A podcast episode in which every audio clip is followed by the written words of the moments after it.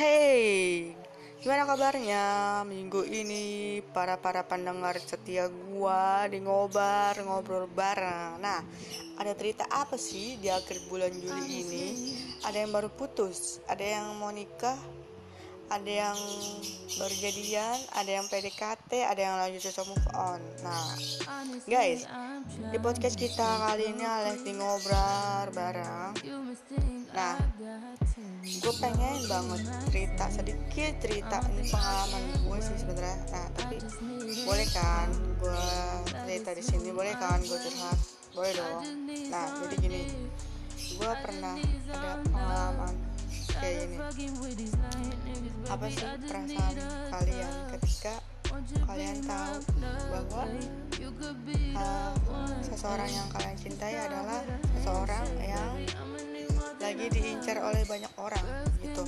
nah apa sih hal yang kalian lakuin ketika misalkan pacar kalian disukain sama banyak orang? misalkan si A suka sama pacar kalian si B suka sama pacar kalian. Nah itu ngebuat kalian insecure apa kalian makin percaya diri gitu.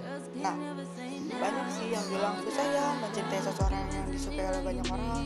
Susah ya uh, untuk setia sama orang yang pengen banget dimiliki oleh orang lain gitu. Nah ini nih ini kejadian setelah beberapa tahun yang lalu.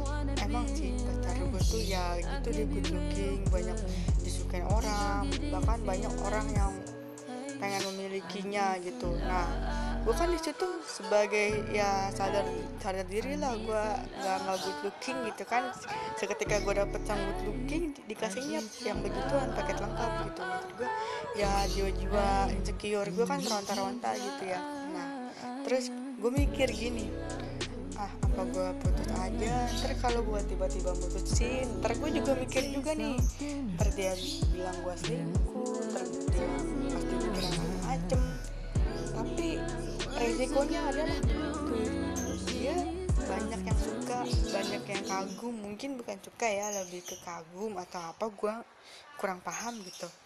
Nah gue mau nanya nih sama para para pendengar setia gue di ngobar apa sih yang kalian lakuin gitu ketika kalian terjerumus di fase tersebut?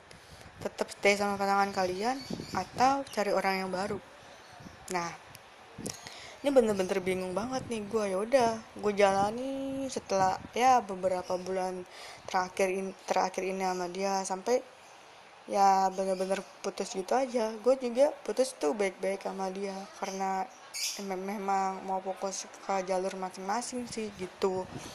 Dan gue sekarang lost contact sama dia. Nah kayak uh, obrolan terakhir tuh kayak jujur ya gue bukan tipe orang yang gengsi kalau buat ngajak balikan ya. Nah atau kalian tipe yang mana nih? Kalian tipe gengsi ngajak balikan atau kalian yang ngajak balikan?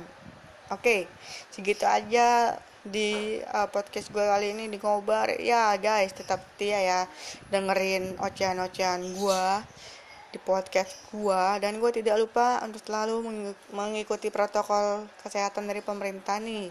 Memakai masker menjaga jarak menjauhi kerumunan dan chú chỉ tao là não cái ga em dơi